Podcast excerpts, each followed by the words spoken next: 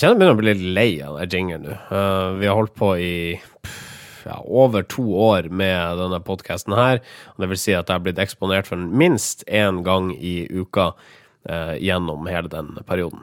Men så er det noe sånn at man kan ikke bare bytte ut jingler sånn helt uten videre. For dette her er nå en gang kjenningen til podkasten Norske informasjonsrådgivere, og hjertelig velkommen til deg, kjære lytter. Marius her, sender fra Bodø og har med mine faste rådgivere i panelet i Oslo. Sindre Holme og Marius Storkelsen, velkommen også til dere.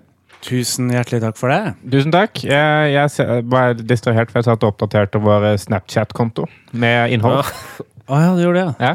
Uh, jeg jeg syns jo, før vi setter i gang, syns jeg er på tide, eller det er passelig, å minne om vår konsulenttjeneste. For vi er jo ikke bare et, uh, et mediehus, men vi har også en konsulenttjeneste. Nå som det nærmer seg jul, så lager vi, vi Takk for maten-taler.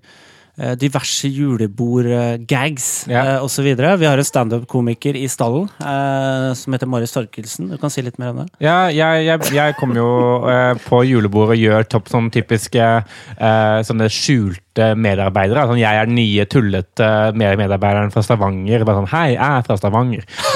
og så og så er jeg litt rar under he hele middagen. Liksom, til sjefen og sånn, sånn type ting. Og så, og så, viser det seg liksom, en uke etterpå at det bare var tull. da. All right. Um, Nirkast.yahoo.com hvis du vil booke noen av de tjenestene. Vi, vi har også en, en sangskrivertjeneste. Mm. Uh, for eksempel uh, til da julebord sånn Nå er det endelig julebord her hos oss i Accenture. Nå skal vi jammen kose oss så mange ting som venter. Endelig er det julebord! Det skal bli noe kjempegøy. Syng i kor. For nå er det jo julebord hos oss her i Accenture. Nei, nei, nei, det kan vi tilpasse til alle byer. ja. Mange tjenester. Ei e-postadresse. Nearcast.yahoo.com. Vi, vi, er i slutten av november, og det nærmer seg da vitterlig jul. og Det betyr at det er sesong for nakenkalendere. I uh, Skånland kommune i Troms så har de laga en, og pengene skal ifølge fremover gå til mer aktivitet for unge og voksne i bygda. Det er vel flere bygder her, strengt tatt. Eh, og på Otta så kler tolv kvinner av seg for brystkreftsaken. Uh, Sindre, du er litt fascinert av dette nakenkalenderfenomenet? Jeg lurer på litt hvorfor eh, det oppstår. Eh, I Skånland så, så, så har jo eh, lokalavisa da vist frem en, en mann som, som, på en måte ligger ute på et jorde i ferd med å bli skamklipt av en, en bonde. Alle nakne, selvfølgelig. Ja, og det er veldig sånn Jøss, yes, hvordan havna vi der? Hvordan ble det en tradisjon? Og,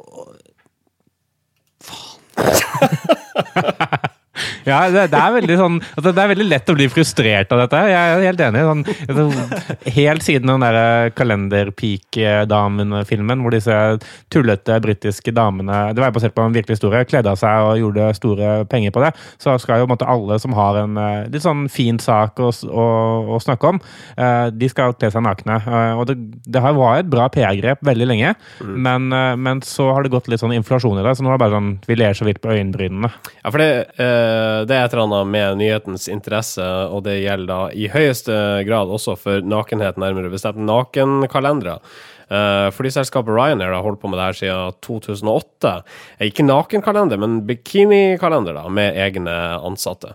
Men den som i alle fall estetisk sett er blant de bedre i nakenkalenderjungelen, er nå trukket fra markedet. Det passer ikke med flyselskapets nye profil, sier bråkebøtte og PR-sjef Michael O'Leary. Ja, det, det ville ikke være harry lenger. I hvert fall ikke så harry eh, som det. Eh, og det syns jeg er jo litt synd. For det, det, var så lett å plassere Ryanair en periode. Nå skal de være familievennlige, sier de. Mm. Eh, og da passer det ikke med, med bikini, eller kabinpersonell da, i bikinier. Og det er, det er vanskelig å beholde så pene, altså, sexy medarbeidere når du behandler dem som dritt også. Eh, som gjør at det var veldig høy turnover på de kalenderpikene hos Ryanair. Mm. så det var veldig altså- sesongavhengig? var de Ja, veldig sesongavhengig. Altså, de var jo ansatte, men vi var kun ansatt for å gjøre den jobben. å være i kalenderen. Så det var litt sånn et, Ikke helt genuint. Etter hvert så var det jo ikke kalenderpiker heller. Det var menn som var sminka som damer. Så det var liksom Great Garlic Girls, uh, på en måte. Ja. Oversminka. og da tenkte de nei, vi har egentlig ikke materiell nok uh, til å lage kalender. Så da får det være. Så har jo alle iPhone. Vi har jo kalender på iPhone. Det er ingen som bruker sånn, sånn vanlig kalender lenger. Nei, det er jo ikke det. OK. Um, vi er ikke helt der at vi er i uh, julemodus. Neste sending vil være den første i uh, desember. Så skal vi ha en julespesial som vanlig siste sending Å, jeg gleder meg. før jul. Ja, jeg gleder meg veldig, òg. Da skal jeg synge. Ja, det begynner å bli en tradisjon, det er der. Og for å adressere spørsmålet du eh, stilte her tidligere, hvordan ble det en tradisjon, Sindre? Det er at du gjør ting to eller flere ganger eh, på rad. Da kvalifiserer det per def som tradisjon. Eh, og det var det vi rakk for intropjattet, men vi har mye mer å skravle om. Hjertelig velkommen til NIR episode 91. Norske informasjonsrådgivere. Rådgiver, foreleser og forfatter Øystein Bonvik og analysesjef Kristina Nilsen i Retriever de har skrevet et debattinnlegg i Dagens Næringsliv om synlig versus usynlig ledelse. De skriver at det til stadighet hevdes at norske toppledere må være mer synlige og snakke høyere og oppta mer spalteplass. Men det er slett ikke god prioritering, ifølge de to. Lederne bør heller skyve fagfolkene i organisasjonen foran seg og vise frem deres ekspertise, ikke sjøl være gallionsfigurer for egen virksomhet til enhver tid. Ja, eh, Bondevik og Nilsen mener at det har ikke noe det er ikke noe suksessformel nødvendigvis det, å, å ha en toppleder som er eh, veldig synlig. Og viser til at uh, bl.a. Toyota og Ikea er selskaper som, eh, som scorer godt på omdømmemålinger, men som har veldig lite synlige toppsjefer. En veldig liten prosentandel av de eh, artiklene der de to merkevarene er omtalt, er eh, toppsjefen eh, sitert. Eh, Så de, de går liksom mot den her, eh, det mantraet som PR-rådgivere har eh, kjørt i, i mange år, egentlig. Om at liksom, du må bli mer synlig, du må liksom by på deg sjøl og Ja, har det vært et mantra? Ja, det det, er, si. det er en mantra. Jeg husker veldig godt fra, fra når jeg jobbet i, i PR-rapportørene, at eh, det er, det er mange eh, virksomheter som, som ønsker en mer synlig toppleder. Og det er ofte fordi da topplederen ønsker å være mer synlig. Fordi man, man ser det at hvis man har en leder som er synlig nok, og som er, som er spiss nok og flink nok og godt nok likt av mediene, så får man veldig mye gratis omtale, eller kall det gratis, men man får mye omtale som mediene initierer, da, fordi personen i seg selv er så in interessant. Så da tenker man f.eks. at ja, hvis vi hadde hatt en uh, veldig synlig, karismatisk toppleder, så, så kunne vi også fått mye omtale. Uh, og så prøver man å lage det, og det, de fleste innser at det er en medfødt egenskap, uh, som ikke nødvendigvis egentlig gjør så mye for bunnlinja eller for virksomheten utover at man får kanskje litt mer omtale. Problemet er jo at denne omtalen ofte ikke smitter eller liksom tar med seg hele organisasjonen. Eh, og de gir jo et lite, i artik artikkelen så gir jo et lite spark til eh, Anita Krohn Traaseth, vil jeg si, som eh, var toppleder i HP Norge, Hewlett Packard Norge, og som begynte i Innovasjon Norge. Og det som skjedde da, var jo at plutselig fikk Innovasjon Norge veldig mye omtale, og ikke HP Norge lenger. Det handla ikke så mye om datamaskiner, det handla mer om henne. Det er nettopp det.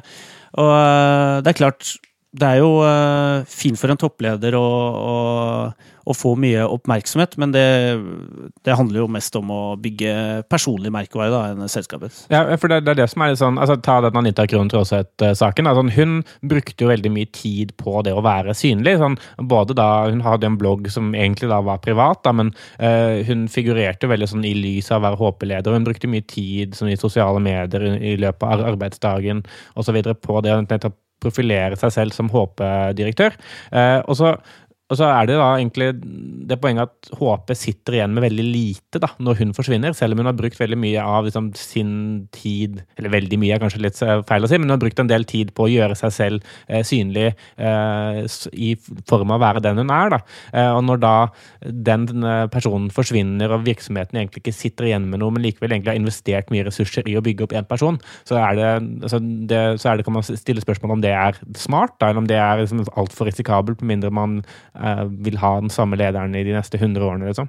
He- Litt fiffig avslutningsvis vil jeg jo si at Øystein Bonevik eh, ga ut en bok tidligere i høst som heter eh, Frist meg ikke inn i ledelse, eh, som handla om at om at det å være leder er egentlig ikke, passer ikke for alle, og det bør ikke alle trakte etter. Så dette kan jo føles som en sånn del to i å rakke ned eh, på lederen, eller dra litt sånn lederinstitusjonen litt ned i søla. Eh, For her snakker han jo også om, eh, igjen om ledelse, og sier at lederen er ikke så viktig, egentlig. Først vil han ikke bli leder selv, så sier han at ja, men leder er heller ikke viktig. Nei. Han var leder først, da. Han var, han var vår leder, så det er helt, helt sant at ikke alle bør bli ledere. Det har jeg fortrengt, så Da var det. Norske informasjonsrådgivere. Det har kommet en ny type nettavis på markedet som eh, kaller seg for Dokk. Og det er da folka bak gravemagasinet Plott som står bak satsinga. Vi ser bort fra nå at jeg allerede nå irriterer meg over at disse to navnene her er lik til forveksling. Eh, og det er altså Dock som skal selge lange reportasjer i singelformat, det melder Klassekampen. Klassekampen Er det vi som skal eh, gjøre det? Hæ? Er det, er det vi som skal gjøre det? Sa jeg vi? Men du sa at dere skal gjøre det. Det er klippa ut. Var ikke det gøy? Nei, det Det var var ikke gøy. kjempegøy. Det er dårlig reklame for standup-tilbudet vi har i Åh. uh, Lircast Ja. Ja. Du sa noe, du. Ja, jeg, jeg sa det. Um, dere skal altså selge lange reportasjer i singelformat, det melder Klassekampen. Men uh, ja, Klassekampen melder etter hva vi kan se feil, men det er noe interessant her likevel. Konseptet er altså å tilby medlemmer av dere gravesaker, enten fire i måneden for 30 spenn, eh, 30 spenn, eller full tilgang til magasinet for 60 kroner. Det er en interessant eh, forretningsmodell som eh, de har henta fra Sverige. Der eh, gjør man lignende ting. Dette med å, tenke et sånt singelformat.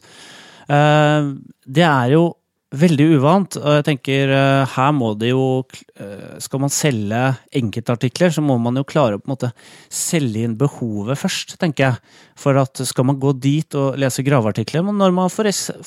kan gjøre det andre steder, som i DN eller eh, i Morgenbladet. Jeg er litt sånn skeptisk til hele, hele forretningsmodellen. Det er en kjedelig ting å si, selvfølgelig. Men, men altså, det at de tenker at folk skal først betale og så se hva det er, eh, når det egentlig ikke er etablert, gjør det at eh, for meg er det lett lettest bare å la være. Ikke sant? Fordi de, gir ikke noen grunn til verken at vi skal gidde å prøve det, eller de legger heller ikke inn noen, delingsmekanismer. Ikke sant? Det er sånn man ofte får trafikk på nett i dag, er jo gjennom at folk deler artiklene dine. Og hvis ikke det er mulig fordi man alle er nødt til å faktisk betale disse 30 kronene for å lese, så tror jeg ikke du får det initielle volumet, den kritiske massen innledningsvis, som gjør at noe sånt kan fungere uten at man liksom bare tjener 120 kroner i måneden for det er tre stykker som kjøper artikler, liksom, eller fire stykker. da. Her, her går det jo et, eh, et stykke enda lenger med å, med å merkevarebygge enkeltskribenter eh, framfor et, eh, et redaksjonelt produkt.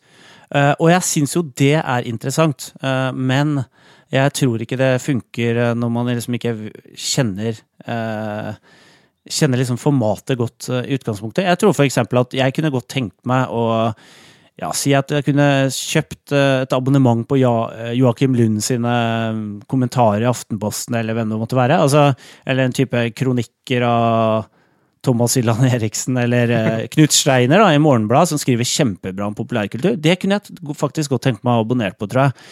Men liksom, da vet jeg da vet jeg litt mer eh, hva, hva jeg har fått tidligere, eh, og, og også hva jeg vil eh, kunne få. da. Ja, for det er vanskelig å selge, selge inn profil... Altså å gjøre journalister profilert hvis de er gjemt bak en betalingsmur. Ja, ikke sant? Det er, det er hø- høna og egget. da. Eh, hvis ingen vet hvem de er, og ingen har lest dem, hvordan skal man da vite at det er verdt å betale for dem? Så jeg, jeg, jeg, ville vært overraska hvis ikke dette lanseres med noe gratis prøveperiode, bare for å få opp prøvetandelen. Liksom, vise folk at dette er bra. da. Vi får uh, se. Vi uh, vurderer deres uh, evne til å eksistere i mediemangfoldet, og vi markerer eh, ja eller nei med tommel henholdsvis opp eller ned. Og jeg spør panelet tommel opp eller tommel ned for dere? Tommel ned. Jeg tommel uh, dokk. Norske informasjonsrådgivere. Nok en smakebit der på hva julebordet ditt kan få på besøk. Standup-komiker Marius eh, Torkelsen.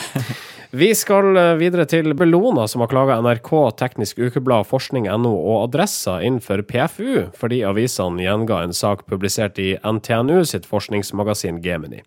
I eh, artikkelen så kommer en professor med krass kritikk av elbilpolitikken her til lands. Og det er altså en fyr i kommunikasjonsavdelinga ved NTNU som har ført saken i penna. Bellona er tilhengere av elbiler de, eh, og har uh, klaga denne gjengivelsen av NTNU-saken inn for PFU. Argumentet er at det er problematisk at disse mediene ukritisk siterer PR-stoff. Men de fikk da ikke medhold. Nei, eh, jeg syns jo dette er en eh, interessant sak, fordi her bruker egentlig Bellona en PFU-klage som PR-grep. Eller som, ja, som PR-grep, egentlig i den ytterste forstand av PR. da, Eh, Fordi de, de prøver å uh, svekke troverdigheten til den, opprinnelige konklusjonen da, gjennom å klage inn omtalen av den for pressens faglige utvalg. Eh, og dermed så håper de at kanskje nok folk vil tenke enten at den artikkelen ikke stemmer, fordi den ble tross alt klaget inn, eller i hvert fall at redaksjonene vil være, vil være mer eh, skeptiske til å gjengi stoff fra Gemini neste gang. Da. Eh, fordi de da ser at å ja, dette er jo faktisk en agenda som ligger bak her, hva nå enn den skulle være. Altså, annet enn at, de, sånn at NTNU kanskje da ønsker å få oppmerksomhet rundt at de har forskere som mener ting, da. Men, men det skulle jo bare mangle. Eh, nå er jo universitetene i Norge de er jo staffa opp med masse kommunikasjonsrådgivere. De gir jo ut eh, flotte, glansa magasiner uh, jevnlig med godt forskningsstoff. Eh, så, jeg- så jeg skjønner ikke liksom Her er det jo en forsøk på å liksom mistenkeliggjøre NTNU, eller liksom prøve å liksom tillegge dem eh, litt andre agendaer da, enn faktisk å ha lyst til å formidle forskning og skape debatt. For det er jo klart, eh, enhver eh, kommunikasjonsrådgiver og en informasjonsavdeling ønsker jo at forskeren deres skal komme ut i media og delta i samfunnsdebatten. Det blir de trent til, og det er også en rolle som forskerne skal ha. For det igjen legitimerer jo støtte til videre forskning osv. fordi at de er synlige. Men det, det som er, er veldig interessant, og hvis man liksom analyserer det litt, er det at det, altså, hvis Bellona hadde vært uenige, eller sånn kunne motbestride konklusjonene, da, så ville de sannsynligvis eh, klaget inn med den begrunnelsen av at forskningen i ut, utgangspunktet hadde svakheter, og at mediene bare gjengir dette ukritisk fordi det kommer fra en institusjon som en NTNU. Men det de sier, da, er jo bare at de, de kommenterer jo ikke forskningen i seg selv. De, bare, de kan bare si, sier at gjengivelsen av artikkelen er svak. Da. Eh, og Det betyr det at sannsynligvis så har de ikke nok enten innsikt eller da eh, motbeviser til å kunne faktisk gå direkte på konklusjonen. Eh, og Derfor går det hele måte på formidlingen av den. Eh, eller så, så, er de, så er, kan det hende at det er noe i det. I det da. Altså sånn at Det er faktisk ikke bare, bare oppspinn, holdt jeg på å si, for han stakkars NTNU-forskeren. Så, så jeg, jeg tror det at eh, de har en eller annen agenda her som, som de Jeg tror nesten de lykkes med det, selv om de ikke får mer medhold i PFU. Da, for det betyr jo egentlig ingenting for hvorvidt eh, debatten rundt dette her starter eller ikke. Men det må jo oppfattes urimelig at Bellona skal få gjennomslag for det motsatte syn av det en forsker har kommet til gjennom sin forskning, bare fordi at de klager på at aviser som gjengir forskninga, gjør det på måten de gjør det på. Ja, ikke sant? og det er, jo, det er det som er rart med hele den saken her. Eh, men jeg, jeg, er ganske overbevist om at eh, Bellona ikke først og fremst ønsket det. Men de ønsket egentlig bare at eh, både PFU, men også at redaksjonene som da blir klaget inn, som er viktige redaksjoner for Bellona, skal være klar over og kanskje tenke seg om to ganger neste gang de gjengir eh, stoff fra Gemini. Da. Og da har de oppnådd noe, for da har de kanskje i hvert fall lykkes å posisjonere seg som en, som en, eh, en kilde som kanskje blir en del av en sak neste gang det handler om miljøstoff, fordi de måtte ha tatt en rolle selv, selv om de ikke har blitt tildelt det i den opprinnelige dekningen av saken. Og så er det noe med at eh, alle lytter til Fredrik Hauge. Det gjør statsministeren, og det gjør liksom alle. Næringslivsledere osv. Så, videre. så hver gang han mener noe, så tenker man kanskje hm, det er nok noe i det. Uh, han har nok litt rett. i Ja, jeg, jeg tar meg selv og sitter og tenker det. Ja. Kanskje, Ja. Sannsynligvis er jeg er er ikke... Ikke sant? Ja, ikke sant? Det er vanskelig å avfeie Fredrik Hauge. ja, jeg, jeg, jeg sitter og tenker det. Det er en grunn til at de gjør det. Det må jo være noe, ha noe for seg. PR-folk vi misbrukes jo litt i denne, i denne klagen til Bellona. Altså, de drar opp det faktum at det er altså en kommunikasjonsavdeling som har skrevet saken, og da er det altså eh, dette stoffet her det er ikke troverdig fordi det da er PR-folk som har skrevet det. Ja, det, er, det er per definisjon spinn. Det er overdrevet, det er uh, selektiv eh, utvelgelse av fakta og ja, ikke til å stole på. Ja, fordi altså, Forskerens kon konklusjon da var egentlig ja, ingen mening om norsk elbilpolitikk. Og så kom PR-avdelingen bare sånn Hater norsk elbilpolitikk! Velger Kan du ikke si det? Kan, Kan ikke si kan det? ikke gå god for norsk elbilpolitikk. Det hadde vært veldig merkelig om forskningsjournalistikk skulle vært uh, utforma på det viset at uh, ja, nå har uh, vi gjennom uh, forskning av høy kvalitet kommet til denne konklusjonen, men vi må også legge til at Bellona er uenig i det eh, vi har eh, kommet til, eh, på bakgrunn av hva, det vet vi ikke. Men tommel opp eller tommel ned for Bellona? Jeg tommel opp. Jeg syns det er en smart måte å bli en del av debatten på. Jo! Enn du, Sindre? Altså, det er jo, det er jo noe veldig smart med det, samtidig som jeg irriterer meg over det.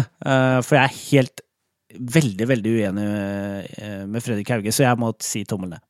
Norske informasjonsrådgivere. Reklamebransjen er for dårlig på digitale flater, det mener Petter Gulli, DDB Oslo. I en uh, sak i kampanje så uttaler han at norske reklamebyråer i altfor stor grad satser på film, mens den digitale kompetansen er lav. Mitt mantra er at kreativitet skaper resultater, og delbarhet bør være et av de viktigste kriteriene når man lager kommunikasjon. Og da er det ikke sikkert at en påkosta reklamefilm er tingen, sier Gulli. Nei, uh, dette er i lys av uh, litt sånn ulike prisutdelinger som har vært den siste tiden, hvor, hvor eh, norske byråer eh, igjen egentlig ikke stiller sterkt nok i, eh, i kategoriene som omhandler online annonsering og kommunikasjon.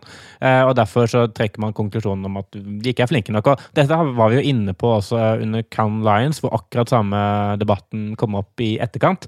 Eh, og det, det som er interessant, er at det virker som dette er en debatt som bare sånn ruller opp med sånn je- jevne mellomrom hver gang det er en pris. da, Og at eh, egentlig så er det noen få byråer, noen liksom enkelttryner i kommentarfeltene til kampanjer som er med på det, og resten sånn bare går videre. Og, og det her er jo eh, et eh, Det er, typisk eh, sånn type kommentarer som får veldig godt gjennomslag i kampanje.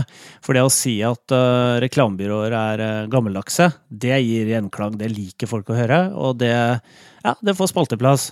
Nå er det jo nå er jo Los og Co. og, og Try Apt spurt da, i, her, i en oppfølgingssak om, om eh, Trond Sandø, annet, i Tryapt, eh, om, om de er liksom enig i den konklusjonen til Petter Gulli, og de sier at de kjenner seg ikke igjen i det i hele tatt. Og det, det tror jeg er helt uh, riktig, da. I hvert fall når det gjelder de to byråene der, som er veldig flinke digitalt. De som Gulli snakker om her, de kommer jo ikke til orde. For det er jo på en måte taperne i byråprofil, og det er de som har tapt inntekter de siste åra. Så Gulli har jo rett. Men, men det blir liksom litt enkelt òg. Jeg blir litt sånn lei av å høre det. Det var en annen, eh, et annet tilsvar vi har bitt oss i merket, og det var det fra Christian Steen, admdir i SMFB. Uh, fra det holdet så kom det et interessant tilsvar i kampanjen. Ja, eh, de, eh, noen på kontoret hos SMFB da, de, de hadde visstnok drevet og mailet om denne, denne pågående debatten om liksom norske reklamebyråer var flinke nok eh, digitalt. Eh, og denne mailutvekslingen den uh, synes liksom Christian Steen var så bra at han bare sendte den inn til kampanje. Og så bare trykket kampanje mailutvekslingen eh, som et tilsvar. Eh, og det grepet i seg selv er litt sånn derre Da føler jeg da er du veldig kul hvis, hvis du gjør det. Altså sånn, Nå er jeg litt uh, sarkastisk, men også litt sånn du, er, du mener du selv er, er veldig, veldig kul. Uh, som bare, jeg trenger ikke engang å skrive en kommentar, vi bare mailen fordi vi skriver så sykt bra mailer, liksom. Uh, men men det, det som står der, er jo det at eh, Og det synes jeg er et sånn morsomt poeng, mer enn det kanskje er veldig gjeldende for alle, er at alle liksom, teknologieksperter og sånne eh, markedsføringsprofeter i Norge er veldig opptatt av hva som kommer. da. At alt som skal skje, altså veldig lite opptatt av det som skjer nå. Sånn, et godt eksempel eh, eksempel hvor mye snakk det var om LO da når LO ble lansert. Istedenfor å snakke om liksom, hvordan skal bruke de verktøyene vi har, så man, bruker man sykt mye tid og energi på å snakke om kanskje det ene verktøyet som kanskje blir like stort som Facebook om liksom, tre år. Og så er det måtte, debatten fremfor som hvordan kan vi skape kreative, kule ting her og nå. Ja, SMFB syns jeg har et godt eh, poeng da de sier at de savner hjemmelagde eksempler. Altså de savner at kreatører viser hvilke gode eksempler de har selv. Ting de selv har gjort eh, på at de på en måte går den her nye utviklingen i møte da, på riktig måte. For det er jo noe med det Jeg syns Petter Gulli er en veldig underholdende fyr å høre på, og fantastisk foredragsholder. Men jeg var på Eight Minutes for et eh, år siden og hørte han snakke om at reklamebyråer må slutte å lage reklame. Og han jobber jo da i reklamebyrået DDB. Og da lurer jeg på, ett år etterpå, har dere slutta å lage reklame da i DDB? Nei, det har de jo ikke gjort. Så, så det er et eller annet med Det er veldig enkelt å stå og på en måte messe da, eh, fremtidens budskap, men det er verre på en måte å etterleve det. Og det er noe av det SMFB snakker, om, eh, snakker bra om her, da. Mm. Uh, Er dette her en debatt som dras opp mest for debattens skyld? Det er, det er et enkelt uh, poeng å, å gjøre. Uh, altså, det å snakke om at uh, ikke folk er digitale nok, og det er en måte å posisjonere seg på. Hvis, hvis en kreativ leder i et byrå går ut og sier at reklamebransjen ikke er kreative nok digitalt, så sier han jo også implisitt at byrået han jobber for, er bedre. ikke sant? Eh, så, også, og, og, og da skaper man jo opp røre opp en del debatt, for det er en del andre byråer som også vil være med og posisjonere seg. Ja. Vi er også flinke, ikke sant? så det blir bare de, de byråene som ikke svarer, da, som er de som er dårlige til slutt. Eh, og, og da får kampanjen mye stoff, og så får vi noe å snakke om, og så får reklamebyråene litt blest, og så er liksom alle litt fornøyd, da. Win, win, win. Um, Win, win, win. ja. Men er reklamebransjen for dårlig på digitale flater? Ja. Det er det helt klart. Tommel opp eller tommel ned? Tommel ned. Tommel ned. Ikke gjør dette. Vi skal til Ungarn, der politiet ville forhindre voldtekter av kvinner. Derfor har de brukt penger på å lage en kampanjevideo, uh, hvor vi da følger tre venninner gjennom en kveld. De drar på fest, de drikker, de flørter, uh, før en av kvinnene etter festen angivelig blir voldtatt utenfor et utested. Uh, til et bilde av den aktuelle jenta som sitter og ser trist ut, så kommer teksten Du er ansvarlig, du kan gjøre noe med det. En eh, kvinnegruppe i Ungarn mener at videoen antyder at det er offerets feil at uh, voldtekta skjer, og får uh, angivelig medhold uh, fra kvinner verden over. Ja, denne saken har i hvert fall funnet veien til, til tv2.no, som, som omtaler den. Eh, og grunnen til at eh, Altså, filmen i seg selv er jo eh, den, den, er, den er merkelig, vil jeg si. Eh, det er liksom litt sånn mykporno-lyssetting, eh, og, og jenter som driver liksom og gjør seg klar til å gå på byen, og så, så plutselig så danser de foran en sånn svart bakgrunn, hvor det- er veldig mye utringninger, og driver og slikker på en flaske, og så. Og så er de plutselig på ut, utestedet hvor de møter noen gutter som de danser med, og så går to hjem, og så er det ei som ikke da får noen eh, å gå hjem med, og hun blir da eh, etter sigende voldtatt. Eh, og filmen tar ikke for seg at hei, kanskje du som driver og voldtar burde liksom, skjerpe deg, istedenfor er det sånn hei, kanskje dere damer burde slutte liksom å gå fra hverandre. For du vet jo at hvis en kvinne går alene, da er hun jo fritt bytte, liksom. Eh, det er nesten det den sier, da. Eh, og derfor reagerer diverse grupper. Er det noe å høre fra politiet i Ungarn? Hva er det de har tenkt eh, med denne filmen? det de kanskje har tenkt, er det at eh, det er åpenbart at noen Hva skal jeg si At no, noen her har tenkt at eh, kan ikke disse jentene bare liksom, kle seg litt mindre uh, tacky og, og ikke drikke så mye, så, så går det jo bra, liksom.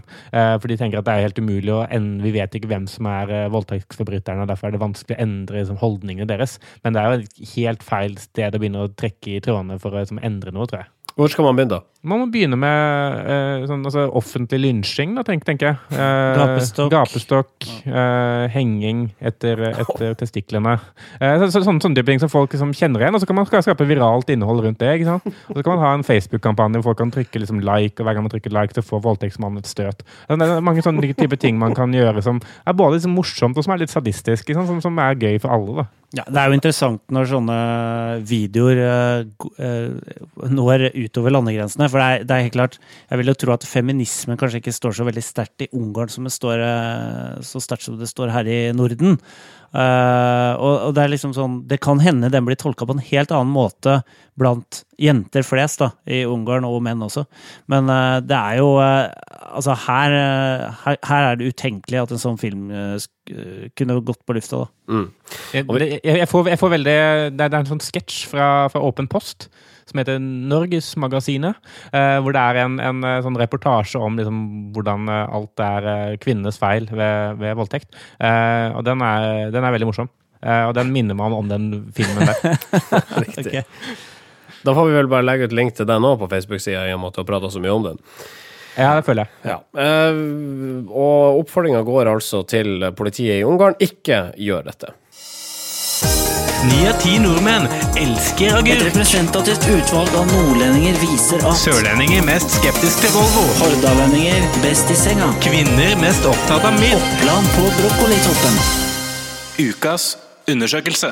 Eh, Dette er ikke ukas undersøkelse slik du kanskje er vant med spalten, men eh, vi tar den fram for å snakke om en sak som journalisten eh, melder på sine nettsider.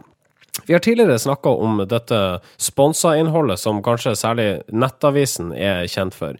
Artikler merket shopping, artikler merket eh, reisetips, eh, artikler merket sponset, som da fremstår som redaksjonelt innhold. Eh, og det er altså slik at Romerikets Blad for ei tid tilbake gikk fem på, og skrev en sak om noen kirkeruiner på Nes, og så viste det seg at den artikkelen de refererte, det var da en kommersiell artikkel ført i penn av, eh, av Nettavisens eh, kommersielle journalister.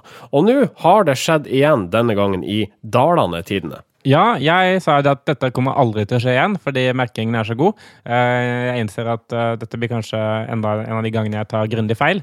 Eh, Men, men Dalane Tidende har gjengitt en artikkel fra Nettavisens reisetips. Og reisetips er da egentlig en, en sponset del for hotels.com, hvor da de i denne reisetipsseksjonen gjengir de ti mest julete byene i Norge. Og Egersund vinner, da. Og Egersund er jo lokalt uh, for eh, Dalane Tidende, så de syns jo det er litt stas. ikke sant? Men så viser det at dette er jo betalt uh, redaksjonelt innhold. Ja, og Dalane Tidende kjørte da saken Egersund kåra til Norges beste juleby uh, på toppen av nettsida, og refererer da til Nettavisens jury, angivelig, som har kommet til at Egersund er den beste julebyen her til lands. Ja, for Egersund har et virkelig virkelig skikkelig julemarked, skriver eh, Reisetips. eh, og det virker som de har litt sånn ah, Vi vet ikke Vi har jo aldri vært der, men vi tror vel at vi godt kan si at Egersund er skikkelig julete. Eh, det virker litt sånn lite troverdig at egentlig de, de kjenner så veldig godt til Egersund. Så det er litt sånn pussig å, å kåre en så ukjent liten by i Norge til, til juleby. Jeg ville tro eksempel at Drøbak var det. Det er kanskje ikke en by, det er kanskje derfor. Men Drøbak, der sier man jo at julenissen bor. Og Nordpolen, det er jo ikke i Norge, så det, det kunne ikke vært på den lista. For det faller ikke under det kriteriet lokalt. Nei. Men, men eh, altså, jeg, forstår jo at, at de syns det er, er litt stas, siden liksom Nettavisen er en Oslo-avis som skrev den. Så hvis det hadde vært en, en vanlig Nettavisen-sak, så, så hadde det sikkert vært verdt å sitere. Men jeg tenker tenker det at når eh, det faktisk er hotels.com som står bak, så burde det egentlig gjøre det enda mer attraktivt. For de er jo 10, kanskje 20 ganger større enn eh, nettavisen her. De er over, over hele verden, ikke sant? Og de har valgt ut lille Egersund som liksom den beste julebyen i, i Norge. Det er jo nesten en større greie. Ja, Selv om det er sponsa innhold. Ja, ja, men, men Ja, altså, jo, men altså, jeg tror, jeg tror nok hotels.com det blir lest uh, av flere enn Nettavisen. Det blir jo kanskje lest, altså, det blir kanskje lest av like, like mange som New York Times, ikke sant, som er der inne. Sånn at uh, det er eksklusivt uh, selskap det havna i der, altså. Jeg tror nett Nettavisen har en sånn internkonkurranse i den der eh, sponset journalistavdelingen. Sånn hvem som klarer å få på plass Eller få en sak på trykk denne måneden. Som får en flaske vin og ja. Så ler de godt. Det er ikke, det er ikke umulig. Nei, det ser jeg faktisk som svært realistisk. Ja. Eh, og dette her er da ukas uh, undersøkelse. Undersøkelse. Og um, det er altså slik at dette her var uh, månedens undersøkelse i mine øyne, og uh, det blir nesten å gi en liten kudos til uh, både Nettavisa og hotels.com for å ha klart det mesterstykket igjen å lure en journalist på limpinnen. Det det er jo bra stoff. ikke sant? Jeg syns det er greit. Ja. Det, dette er jo det, Vi bør egentlig vurdere en ny spalte, altså Lure en journalist-spalten. Ja. Kan vi Tenk litt på den til til neste gang. Eh, ja, det skal vi gjøre. Og det var bra at vi ga litt eh, kudos til Stavrum og hotels.com, for vi har ikke noen kudos denne uka, men vi kan snakke om at Germuden Kise har fått eh, en ny jobb. Ja, altså storydoing gir resultater, tydeligvis. For nå vil eh, Oslo lufthavn Gardermoen ha mer storydoing på flyplassen. Ja, de, de har valgt uh, Gelmerden Kise som byrå, men da ikke som egentlig uh, strategisk uh, kommunikasjonsbyrå, men som reklamebyrå. Og dette er jo uh, en litt sånn eh, merkedag for eh, GK, som har jobbet virkelig for, for å kalle det få oppmerksomhet og, og bedre sitt kreative produkt. Og det har de kanskje klart nå i såpass stor grad at de faktisk får en relativt stor eh, reklamekonto inn på huset. Eh, og da kan konkurrere med Try og Los og Co. og alle gutta og alle disse vanlige reklamebyråene. Eh, hyggelig for Hans Gelmin å gå julen i møte uh, og tenke på at det kom noe godt ut av den kranglinga han har drevet med de siste par åra. Ja. Og nå skal de opp til Gardis og Storydo. De skal ikke snakke om at folk bør ut og reise. Nei da, de skal ut og reise sjøl. De skal reise selv, hele byrået. Og det skal de gjøre nå det Sjekk neste året, og seks millioner kroner får de for dette her årlig, angivelig, ifølge eh, kampanje. Seks millioner i flybilletter. Ja.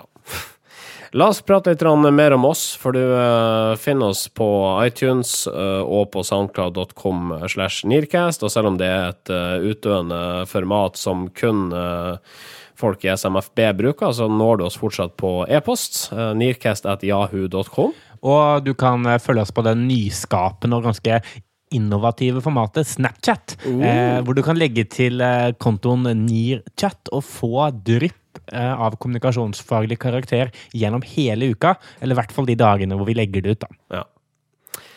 Uh, vi har ingen uh, Twitter-konto, men hvis du skal prate om, om oss der, så setter vi pris på at du bruker hashtaggen uh, Nearcast. Vi er jo relativt konsekvent med Nearcast-navnet, annet enn på Snapchat. Der ble det Nearchat, fordi vi rota det til.